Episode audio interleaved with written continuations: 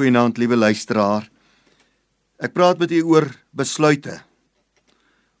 Ons moet baie keer baie ernstige besluite neem in die lewe. Hoe vind ek God se wil wanneer belangrike besluite geneem moet word? Ek gee vir u die volgende padtekens wat kan dien as moontlike riglyne. Nommer 1: Is jou plan strydig of ooreenstemmend met God se woord? God sal jou nooit lei om 'n besluit te neem wat strydig is met sy woord nie. Hy sê hulle byvoorbeeld nie lei om 'n vennootskap te tree met 'n ongelowige of betrokke te raak by duistere praktyke nie. Daarvoor gee ek jou 2 Korintiërs 6 vers 14 en Efesiërs 5 vers 11. Dis jou eerste padteken. Is jou plan strydig met God se woord? Nommer 2, wat sê die Heilige Gees? Die Heilige Gees wil ons lei.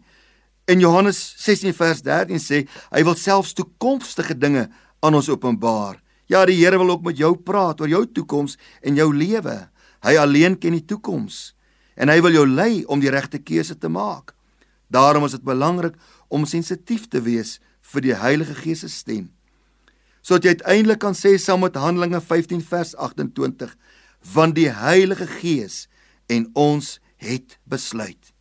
Moenie sommer 'n belangrike besluit neem voordat jy nie kan sê wat die Here vir jou gesê het nie. Nommer 3. Beleef jy innerlike vrede?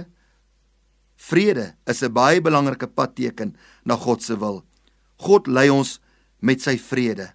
'n Innerlike oortuigende vrede is 'n goeie teken dat jy in die regte rigting beweeg. Wanneer angs en onrus jou beetpak, is dit beter om vereers halt te roep. Nommer 4. Is daar enige bevestigings ten opsigte van jou voornemens? Die Here bevestig sake in 'n mens se lewe.